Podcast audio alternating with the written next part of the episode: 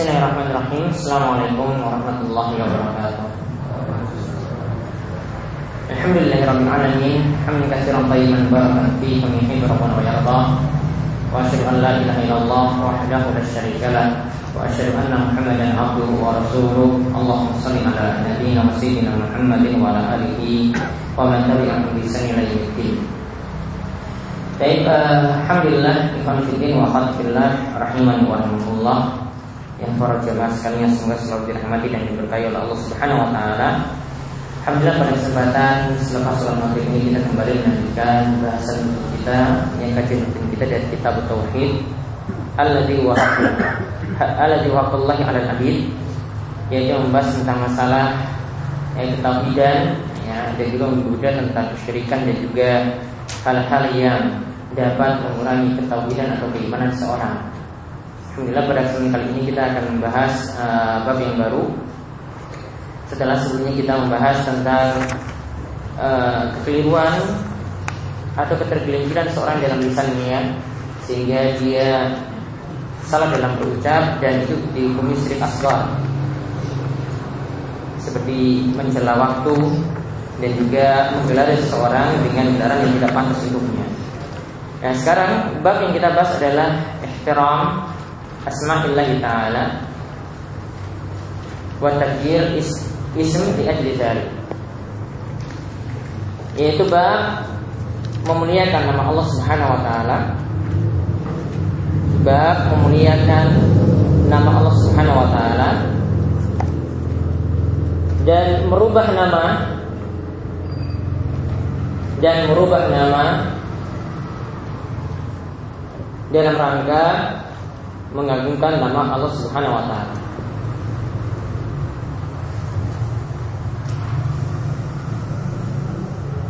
Nah kaitannya dengan pembahasan kitab tauhid di sini ya sebagaimana kata sekolah Maulana bahwasanya memuliakan nama Allah dan merubah nama tersebut karena tujuan tadi ini termasuk tahkid tauhid yaitu menyempurnakan tauhid atau keimanan seorang. Jadi tauhid seorang semakin sempurna dengan dia itu memuliakan nama Allah.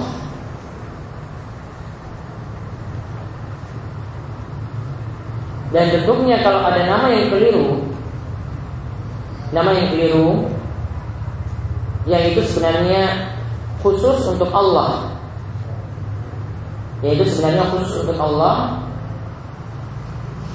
maka tidak boleh seorang itu menggunakannya. Ya, maka seorang tidak boleh menggunakannya. Maka dia diperintahkan untuk menggantinya. Kalau nama tersebut khusus untuk Allah.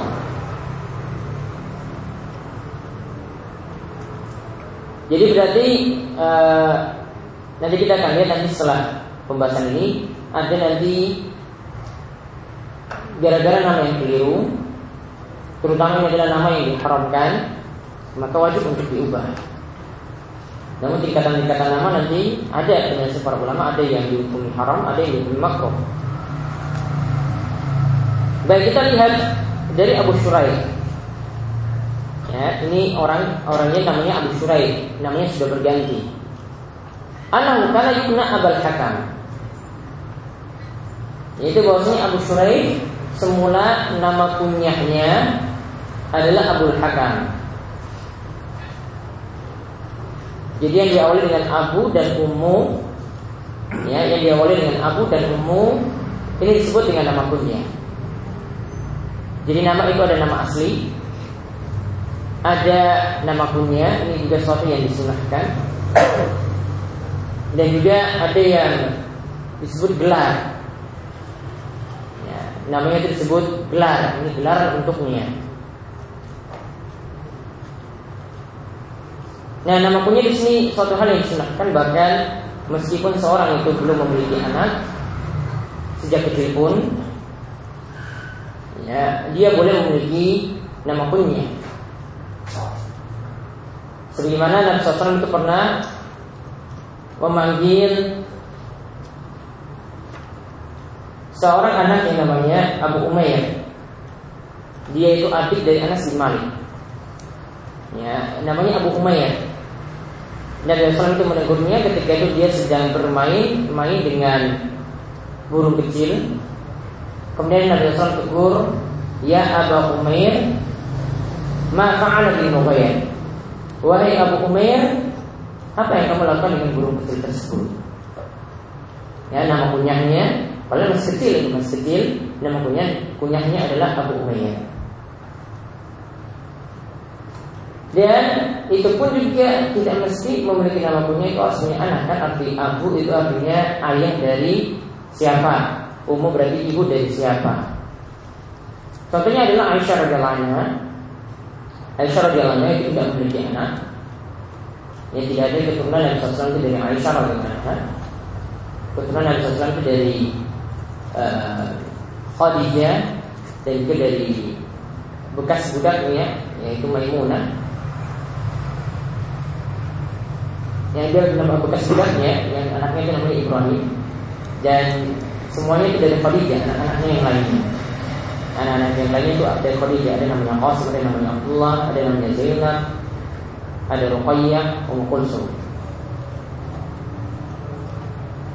Nah intinya di sini uh, yang namanya punya itu juga dibolehkan meskipun tidak memiliki anak seperti Aisyah beliau memiliki nama punya ya dengan Ummu Abdullah. Ya, Aisyah itu memiliki nama kunyah dengan Ummu Abdullah. Padahal dia tidak memiliki anak yang namanya Abdullah. Jadi seperti itu pun dibolehkan. Namun di sini uh, ini perlu diperhatikan tentang nama kunyah di sini. Kita menggunakan nama kunyah itu untuk ta'rif. Tujuannya adalah untuk dikenal. Kalau kita menggunakan ta'rif atau pengenalan di tengah-tengah masyarakat dengan nama kunyah seperti ini, kalau orang di tempat kita tidak biasa.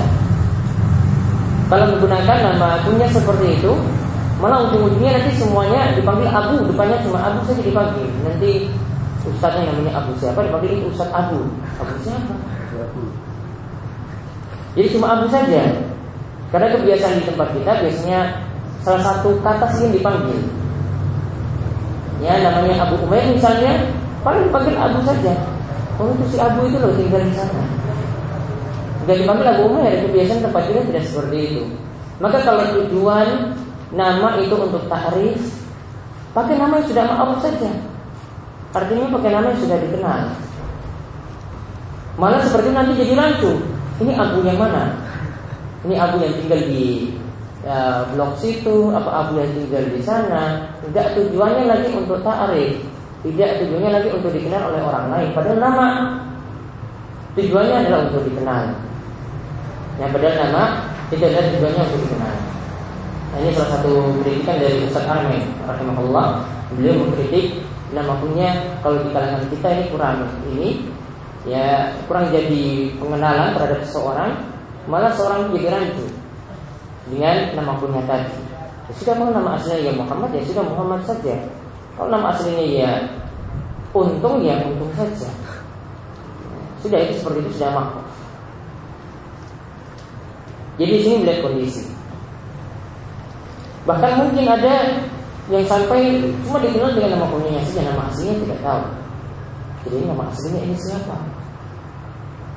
Dikenal dengan Abu ini ya, tapi Nama aslinya tidak bisa ditelusuri. Nah, ketahuan nanti kalau dia tunjukkan KTP-nya. Oh, KTP-nya oh, ternyata namanya betul tapi dia ganti dengan itu. Misalnya seperti itu. Jadi perlu dilihat aja ditimbang-timbang apakah kita perlu dikenal dengan nama punya atau tidak. Ya, tapi kalau memiliki nama tersebut ya tidak ada masalah. Mau dipanggil dengan nama itu juga tidak ada masalah. Yang penting tadi tujuannya takarifnya itu jelas. Maka ketika itu dia itu biasa dipanggil Abul Hakam. Padahal Al-Hakam itu adalah nama Allah. Nama yang khusus untuk Allah. Tidak boleh manusia memakai nama Al-Hakam.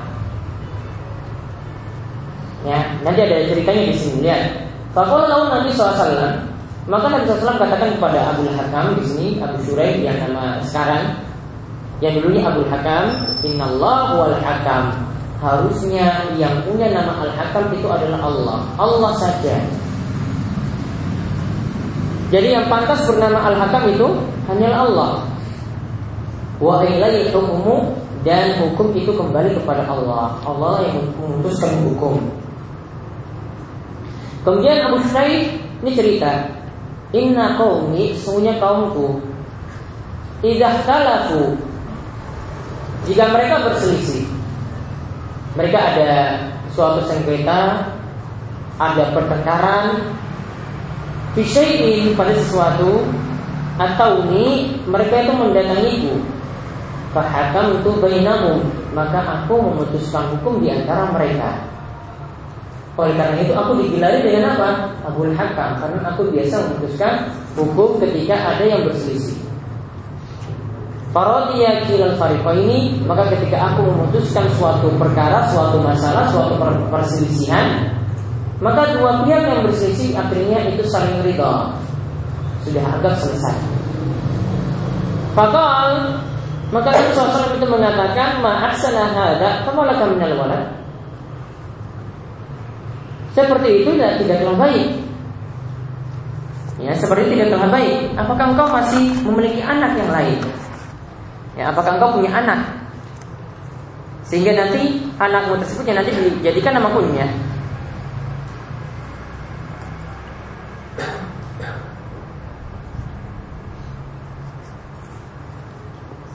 Nah, tadi dikatakan ma'ahsana hadza itu maksudnya oh seperti itu bagus sekali. Ya, maksudnya sifat dia tadi memutuskan suatu perkara. Saat ada yang berselisih, ini adalah suatu kebaikan. Maka Nabi SAW memujinya, oh seperti itu bagus. Ya, ini kalimat ta'ajub, ma'ahsan hadza. Ya.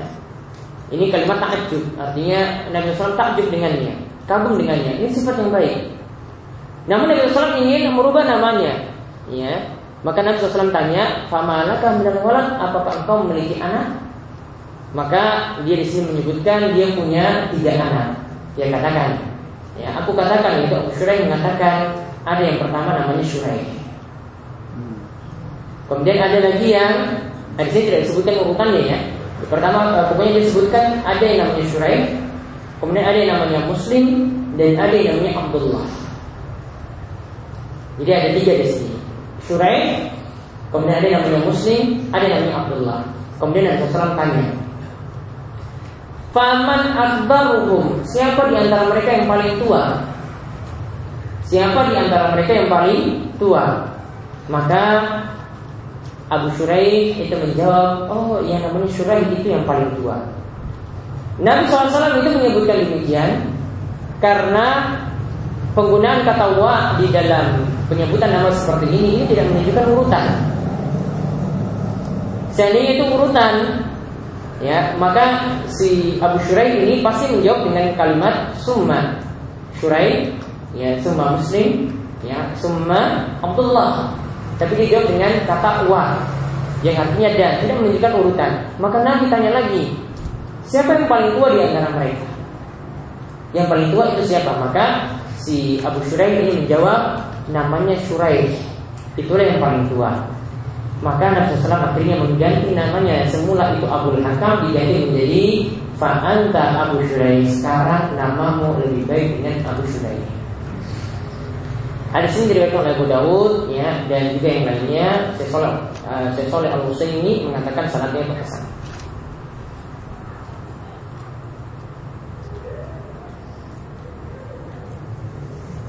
Maka di sini menunjukkan lihat faedah di bawahnya langsung dari beliau yaitu ihtiram sifatillah wa asma'ihi perintah untuk mengagungkan atau menghormati sifat Allah dan juga namanya. Walau kalaman lam lam yuksad maknahu walaupun situ ada kata-kata yang kita juga tidak ya dari hadis kita kita tidak memahami seperti itu juga tetap tidak boleh bernama seperti itu. Walaupun tidak kita maksudkan.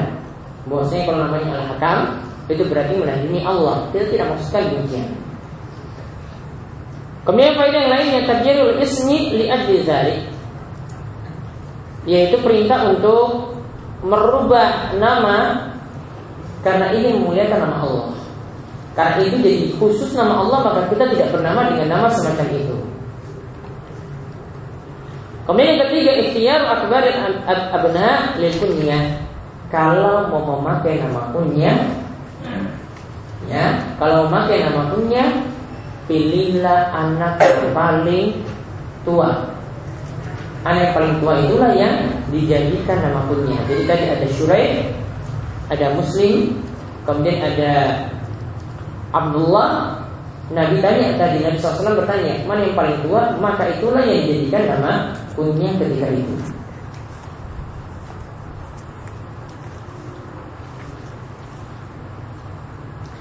Dan di sini juga menunjukkan al-hakam termasuk juga al-hakim. Ya al-hakim itu termasuk nama Allah. Ya, ini termasuk nama Allah dan khusus bagi Allah. Kalau ada yang mau memberi nama anaknya dengan al-hakam atau al-hakim, depannya pakai Abdul. Abdul Hakam atau enggak Abdul Hakim. Ya, tidak boleh cuma al-hakam saja atau al-hakim saja.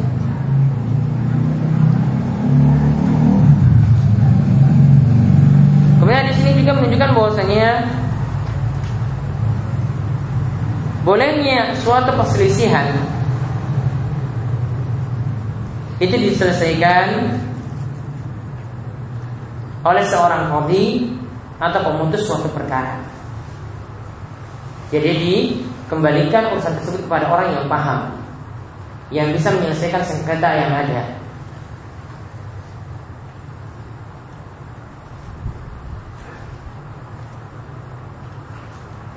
Kemudian di sini juga menunjukkan untuk merubah perintah untuk merubah nama ke nama yang pantas atau sesuai. Karena Al-Hakam itu adalah nama Allah, tidak pantas makhluk bernama seperti itu. Maka namanya tadi dirubah dengan nama yang pantas. Ada Surai Ya itu anaknya maka nama orang tersebut adalah dengan nama anaknya Abu Surai sudah cukup. Ini bapaknya Surai Ya ini bapaknya Surai Nah ini di antara faedah yang ada dari hadis ini dan tentang masalah nama ada nama-nama yang diharamkan ada nama-nama yang diharamkan dan ini yang wajib dilupa dan ada nama-nama yang makruh Ya, ada nama-nama yang diharamkan dan ada nama-nama yang makruh. Nama yang diharamkan misalnya dengan nama iblis. Ya, iblis itu punya beberapa nama. Syaitan itu sendiri, iblis dan juga ada yang disebut juga dengan ifrit ifrit. Ini termasuk nama setan. Tidak boleh ada yang bernama dengan nama seperti itu. Atau pakai bahasa yang lainnya. Bahasa Inggris setan apa? Devil. Ya, tidak boleh bernama seperti itu. Ya, walaupun bilang itu keren, wah ini klub terkenal ini. Ya, tidak boleh. Kok nama anak kok setan? Walaupun dia ya fanatik misalnya sama klub tersebut. Contohnya lagi namanya tidak boleh nama pembesar-pembesar orang kafir. Seperti apa? Fir'aun Haman. Haman itu menterinya Fir'aun. Korun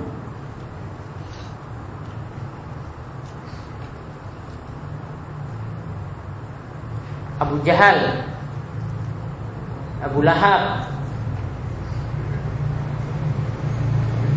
Kalau pakai Abu Lahab disebut terus dalam Al-Quran. Kena neraka terus. Iya kan? Disebut terus dalam surat Tabat Yada Kena dua jelek terus Nah itu makanya bahaya di situ Dapat dua-dua jelek dari Al-Quran Jadi nama setan tadi kemudian nama pembesar orang kafir atau juga yang punya enam uh, makna yang keliru. Punya makna yang keliru.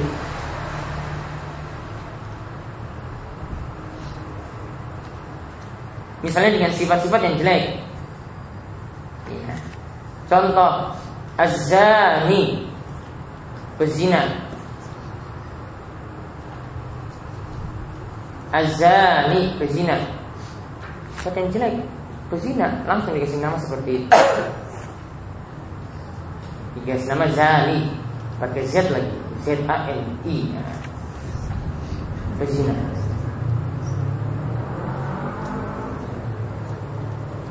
Contoh lagi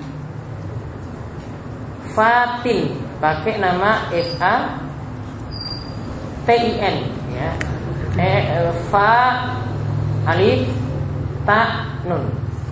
Wanita penggoda. ya. Namun kalau dari kata fatona cerdas.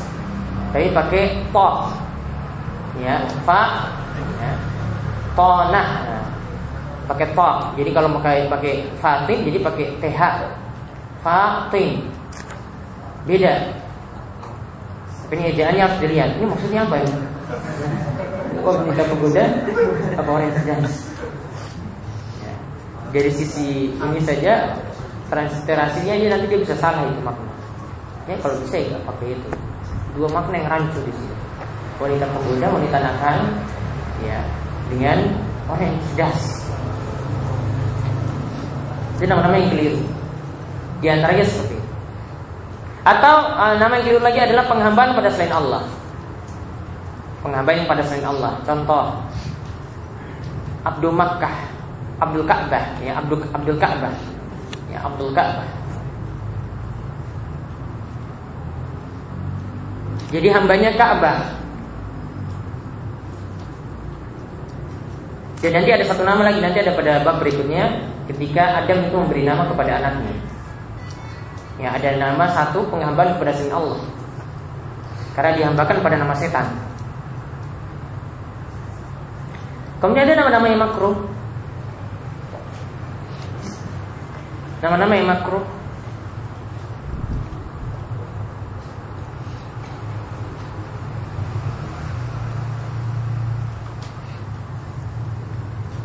Contoh misalnya Ya nama-nama orang kafir Jadi muslim itu mengadopsinya. Namun ada yang masuk ini ke haram juga. Misalnya apa? Michael. Ya, Ada semacam itu. Gak usah sebut nanti sudah tahu semuanya. Ronaldo, Roberto. Masuk sih. Kemudian kayak makruh lagi.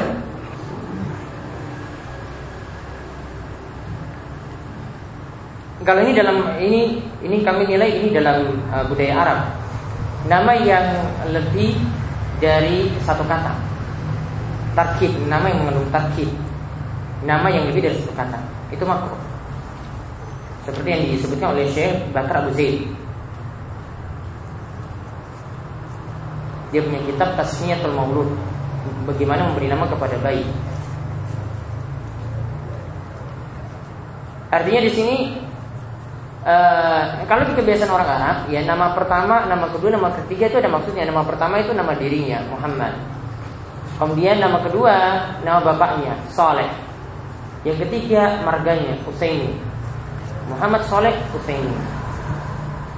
Kalau namanya tarkib nggak jelas, ini bapaknya yang mana? Apa itu namanya dia sendiri? Ya, namanya dia sendiri.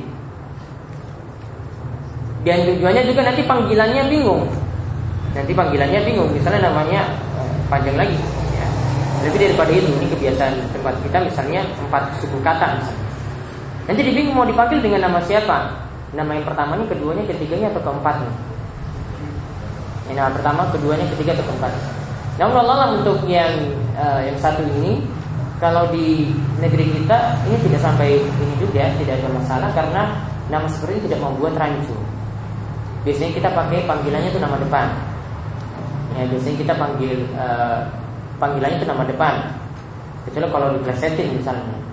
Ya, tapi biasanya nama depan ini panggil. Aisyah siapa gitu ya. Jadi nama depannya dipanggil. Ya kalau bisa katanya tidak banyak bisa dua, ya. mungkin tambah nama keluarga di belakang. Itu sudah cukup. Tidak perlu terlalu banyak satu dua tiga empat mungkin ada yang lima sepuluh kata lagi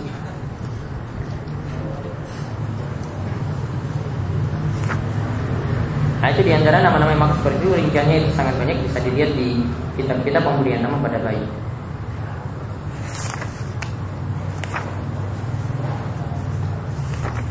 Jadi kalau namanya masih nama yang makruh, ya tidak perlu dirubah.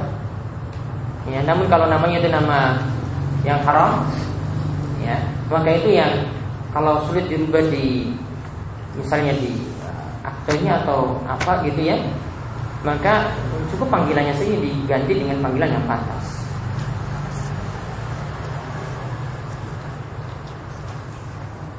Namun budaya pemberian nama ini alhamdulillah kalau untuk generasi belakangan itu sudah tergeser dengan nama Islam beda dengan yang dulu. Ya. Namun ya ada juga yang tetap masih mengikuti mode-mode orang Barat untuk saat ini. Ya mode-mode orang Barat yang namanya campur Muhammad ditambah Ronaldo lagi. Itu yang campur? Masa bisa digabungkan Muhammad dengan Ronaldo gitu? Gak bisa nyambung. Mana kesetaraan antara Muhammad dan Ronaldo gak ada. Jangan terlalu ikut-ikut mode orang barat. Oh, ini kan kurang pasar, kurang keren namanya. Ya Muhammad ya sudah Muhammad apa? Sudah titik. Terus tambah-tambah lagi pakai embel-embel lagi di belakangnya, pakai nama barat lagi. Nama-nama Islam itu sudah cukup banyak. Ya, cukup banyak kan nama-nama Islam seperti itu. Ya, ngapain pakai nama-nama diimpor dari luar? Ya. Dan ingat uh, pemberian nama menurut orang Indonesia juga kekeliruannya adalah mesti memberi nama itu punya makna. Ini keliru. Mesti memberi nama itu punya makna. Umar itu nggak ada yang tahu maknanya. Salman ada yang tahu maknanya, tidak ada. Ya, nama-nama sahabat itu rata-rata tidak tahu makna. Jadi kalau mau paksa, nama anak kamu siapa? Ya, ah, nama anak saya Rumaisa. Artinya apa? Ini pokoknya nama sahabat. Terserah kamu bilang apa. Artinya apa? Ya pokoknya ini nama sahabat. Itu. Gak usah tanya-tanya arti. Artinya kita bernama misalnya Ibrahim, ya anak namanya Ibrahim, ya anak namanya Umar. Kita ingin seperti itu, mudah-mudahan seperti Umar, mudah-mudahan seperti Ibrahim. Sudah itu sudah lebih bagus. Pada cari-cari itu sulit. Makanya kalau ada yang nanya kepada kami langsung, dia dia beritahu dia sudah susun nama dulu. Ustaz ini artinya apa? Saya bilang kamu nyusun nama tadi, kamu tahu artinya kan apa artinya? Saya nggak tahu nih transliterasinya benar atau tidak. Fatimnya tadi apa maksud kamu? Misalnya ini artinya itu apa? Kamu harus jelaskan ke saya. Baru saya putuskan ini betul maknanya. Ya, karena orang Indonesia kayak begitu harus pakai ada artinya ya setiap nama itu harus ada artinya tidak benar seperti itu dia nama para sahabat itu tidak ada apa nama Abu Bakar? Bakar artinya apa? Gak mungkin kita cari artinya kan? Gak mungkin kita cari artinya Utsman artinya apa? Gak ada. Kalau Ali mungkin masih nyambung nyambung ke kata tinggi itu masih nyambung. Yang lain tidak rata-rata itu saja. Anak Nabi SAW Zainab apa arti Zainab? Namanya Rukoya apa arti Rukoya? Tidak ada. Cuma Nabi SAW beri nama seperti itu. Jadi jangan memberi nama Tadi punya prinsip pokoknya harus punya arti. Makanya dia buat susunannya itu panjang sekali. Ini artinya ini artinya ini artinya ini. Itu simpel saya kasih nama Rupanya misalnya sudah cukup kalau anak perempuan selesai. Ya, tinggal kalau punya marga, marga tinggal tambah marganya di belakang selesai. Dua kata langsung. Dua kata langsung sudah cukup. Marga tadi sudah membedakan yang satu dan yang lainnya. Nama depan sudah cukup. Ini namanya siapa? Kalau misalnya dituntut misalnya nanti mau buat Paspor misalnya butuh tiga kata ya tinggal nama orang tuanya nanti ketika pembuatan paspor tinggal nama orang tuanya di tengah. Ya. Nama anaknya sendiri, tulis nama tengahnya, kemudian nama marganya belakang. Simple. Nah kemudian berikutnya. Bab yang baru man hazala fi dzikrullah. Awil Quran awil Rasul. Yaitu bab tentang hukum mengolok-olok. Yaitu bab barang siapa yang mengolok-olok sesuatu yang di dalamnya itu ada nama Allah atau Al-Quran atau Rasul. Jadi mengolok-olok berguyon atau bercanda, bawa bawa nama Allah, bawa nama nama, nama Rasul di situ atau bawa ayat Al-Qur'an.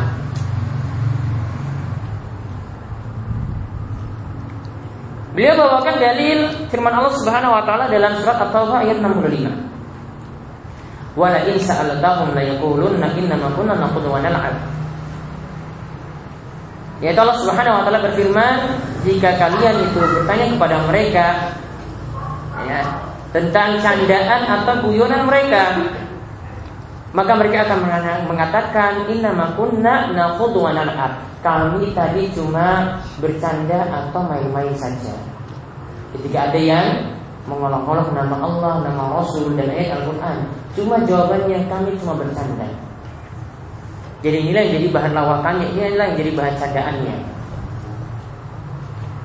Nah, ayat ini ternyata ada kisahnya.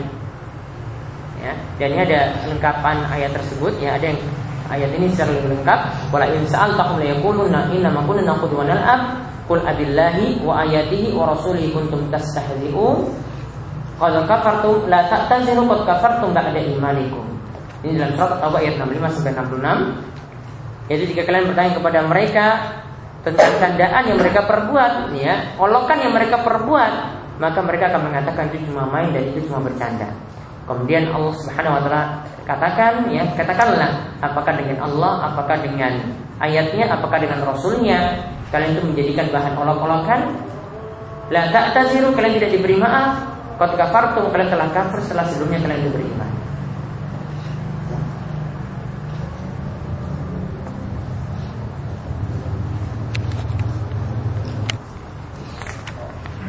Nah tentang ayat di atas surat At-Taubah ayat 65 sampai 66 di sini disebutkan tentang kisah turunnya ayat tersebut yaitu ada hadis dari Ibnu Umar juga dari Muhammad bin Ka'ab dan Zaid bin Aslam dan juga kota ada. Dakhala hadis ba'din fil dan hadisnya ini ya satu dan yang lainnya itu uh, saling mendukung. Artinya ada bagian ini disebut dalam hadis yang ini, ada di bagian yang lain disebut dalam hadis yang lainnya. Kemudian disatukan dalam cerita ini yang dia sebutkan. Annahu qal rajulun fi ghazwati Tabuk. Bosnya diceritakan tentang ada seseorang di dalam perang Tabuk. Yang baru pulang dari perang Tabuk kemudian mereka ketika itu berguyon, bercanda. Kemudian guyonannya di sini ditujukan kepada Rasulullah SAW dan para sahabatnya. Mereka katakan ya atau orang yang guyon ini mengatakan mara'aina misla qurra'ina haula arghaba butunan wala akzaba alsinan wala akzaba alsunan wala at, wala atzbana indal liqa yakni ar-rasul sallallahu alaihi wasallam wa ashabahu al-qurra Yaitu dia, dia katakan bahwasanya kami tidak pernah melihat seperti Qur'ina ahli Al-Qur'an ini yaitu yang dimaksudkan di sini adalah Rasul SAW dan para sahabatnya yang ahli Al-Quran. Yaitu mereka itu adalah orang yang arga butunan, perutnya itu buncit. Ya artinya ini menandakan rakus, banyak makan. Arga butunan perutnya itu buncit artinya banyak makan. Kemudian dikatakan lagi wala abzal al-sinan al-sunan dan mereka itu paling dusta lisannya. Jadi dikatakan pembohong, pendusta. Ini tujukan kepada Rasul SAW dan para sahabatnya juga. Wala azmana indalika dan mereka paling pengecut ketika bertemu musuh. Mereka itu paling pengecut ketika bertemu musuh. Dan ini lihat, ini ditujukan pada Rasul SAW dan para sahabatnya. Maka ketika itu Auf bin Malik itu mengatakan kepada orang yang tadi buat bahan candaan yang buat cerita. Dia katakan Kadzabta walakinnaka munafik. Engkau itu dusta, engkau itu adalah munafik. La ukhbiranna Rasulullah sallallahu aku akan mengadukanmu ya kepada Rasulullah SAW. Artinya dia adu domba. Ya, si Auf bin Malik ini mengadukan si orang-orang tadi ya atau orang yang bercanda tadi kepada Rasulullah SAW. Namun di sini dia ya adu di sini dia mengadukan orang ini kepada Rasulullah SAW karena ada masalah. Bukan tujuannya adalah untuk memecah hubungan antara seorang muslim dan yang lainnya. Namun di sini ada masalah. Ini seakan-akan kan namimah. Dia ingin mengadukan orang ini kepada Rasulullah SAW kan seakan-akan namimah. Namun di sini adalah ada masalah yang dia ingin laporkan kepada Nabi SAW. Maka ketika itu Fadzaba Auf bin Malik ila Rasulullah sallallahu liyukhbirahu kemudian Auf bin Malik melaporkan hal ini kepada Rasulullah SAW untuk mengabarkannya. Fawajad al-Quran qad sabaqahu. Ternyata ayat Al-Quran sudah turun membicarakan tentang mereka lebih dulu. Ayat Al-Quran lebih dulu turun tentang mereka tadi. Faja'a zalika ar-rajul ila Rasulullah sallallahu alaihi wasallam Warokibana kotah munakotahu Kemudian orang yang tadi guyon, orang yang tadi bercanda, lawak dengan membawa Rasul, membawa nama Rasul SAW di situ, dia kejar-kejar Rasulullah SAW. Dan ketika itu Nabi SAW sudah naik tunggangannya, yang tahal, naik tunggangan. Warokibana kotahu dan Nabi SAW itu telah menaiki untangnya. Fakal ya Rasulullah, Orang ini yang tadi guyon, yang tadi lawak. Dia katakan kepada Rasulullah SAW Inna makuna nakudu wa Kami itu cuma bercanda dan main-main. Tidak ada bahan hiburan. Maka ketika itu ya inna makuna naqudu wa nal'ab wa natahaddatsu hadis ya dan ketika itu dia ya membicarakan tentang apa yang terjadi tatkala itu Ya, dia natahaddas hadis rakab yaitu maksudnya dia ketika dalam perjalanan sedang uh, menunggangi hewan tunggangan kemudian ngobrol-ngobrol dengan orang yang lainnya membawa candaan seperti itu. Kemudian naqta'u bihi an supaya kami itu tidak bosan dalam perjalanan. Jadi ada bahan guyonan, ada bahan candaan. Ya kita kita mungkin seperti itu kalau di jalan tidak ada bahan candaan ya, ya maka nanti tidak ada bahan hiburan, ada yang salah satu itu guyon seperti itu. Maka Ibnu Umar ketika itu ketika melihat orang ini dia katakan ka'ani anzuru ilaihi muta'alliqan bi nis'ati naqati Rasulullah SAW. Aku ketika itu melihat seakan-akan orang itu tadi terus menerus memegang tali dari unta Rasulullah Sallallahu Alaihi Wasallam. Wa inal hijarat tangkubu rijlaihi dan dia itu tersandung-sandung dengan batu karena kejar-kejar Rasulullah Sallallahu Alaihi Wasallam bahwa yakul dan ketika itu orang ini itu mengatakan orang yang berguyon ini mengatakan inna makuna naqudu wa nal'ab. Kami itu cuma bercanda dan main-main. Tidak serius. Fayaqul lahu Rasulullah SAW maka Rasulullah lantas mengatakan pada orang ini yang tadi berguyon, kul abillahi wa ayatihi wa rasulihi kuntum tastahzi'un apakah dengan Allah apakah dengan ayat Allah apakah dengan rasulnya kalian dijadikan bahan olok-olokan Kemudian dilanjutkan ayat tersebut ya. Kemudian dikatakan dalam hadis ini wa mayaziduhu alaihi. Dan Rasulullah SAW tidak berpaling melihat orang ini setelah menyebutkan ayat tersebut dan Nabi SAW tidak lagi menambah kata-kata setelah itu.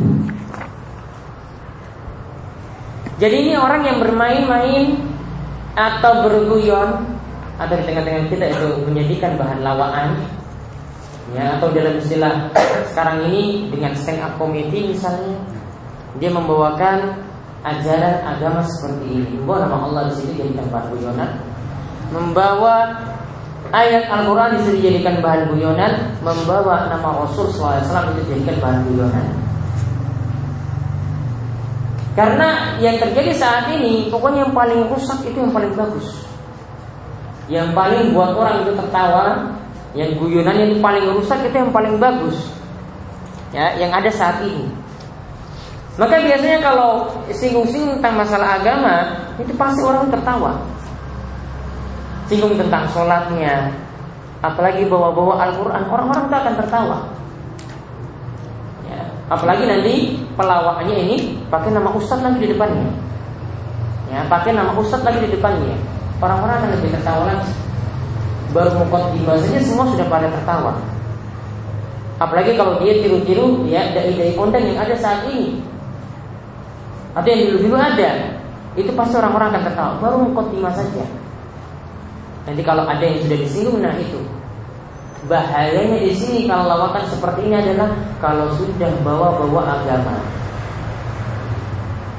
Karena ada seorang yang dia itu sengaja saat itu guyonannya pakai nama surat.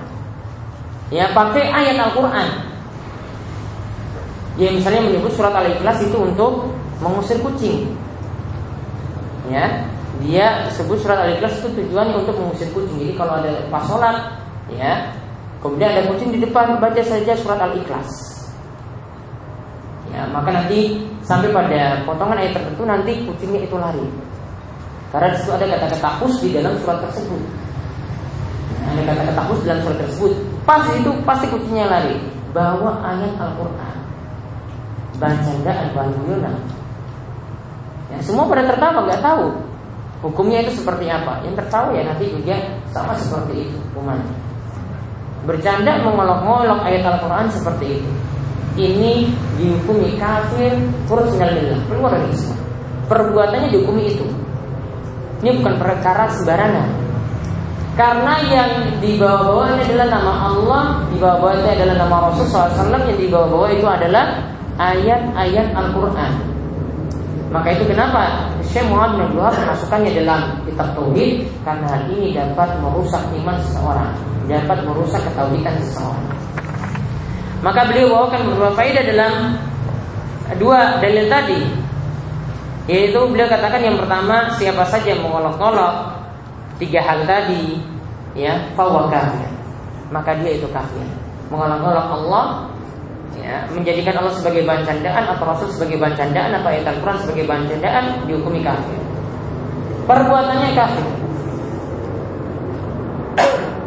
Kemudian anak aja tafsir ayat Iman fa'ala zalika ka'inan makan yaitu ayat tadi dan apa yang dikisahkan tadi dalam hadis Ka'ab bin Malik ya dan dari sahabat yang lainnya tadi Muhammad bin Ka'ab eh, Ibnu Umar dan Yazid bin Aslam itu semuanya ditujukan kepada orang yang mengolok-olok siapa pun itu dan kapan pun termasuk di dalam pembahasan ini kainan mankana yaitu siapa pun dan kapan pun terkena hukuman ini Baik walaupun tujuannya cuma guyon bercanda, tidak serius.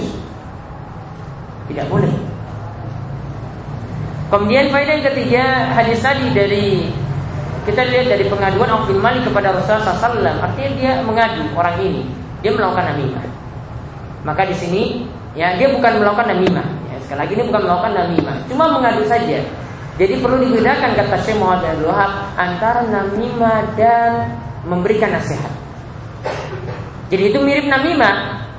Namun yang satu mengadu domba tapi tujuannya untuk memecah belah kaum muslimin. Yang ini tujuannya adalah untuk memberi nasihat supaya orang tadi itu menjadi baik. Jadi kalau aduannya itu adalah dalam rangka nasihat itu boleh, namun kalau aduannya itu untuk memecah belah kaum muslimin itu tidak boleh, termasuk namimah. Jadi yang kami sebutkan tadi bukan namimah maksudnya namun cuma mengadukan saja. Namun perlu dibedakan antara namimah dengan perbuatan memberi nasihat di sini.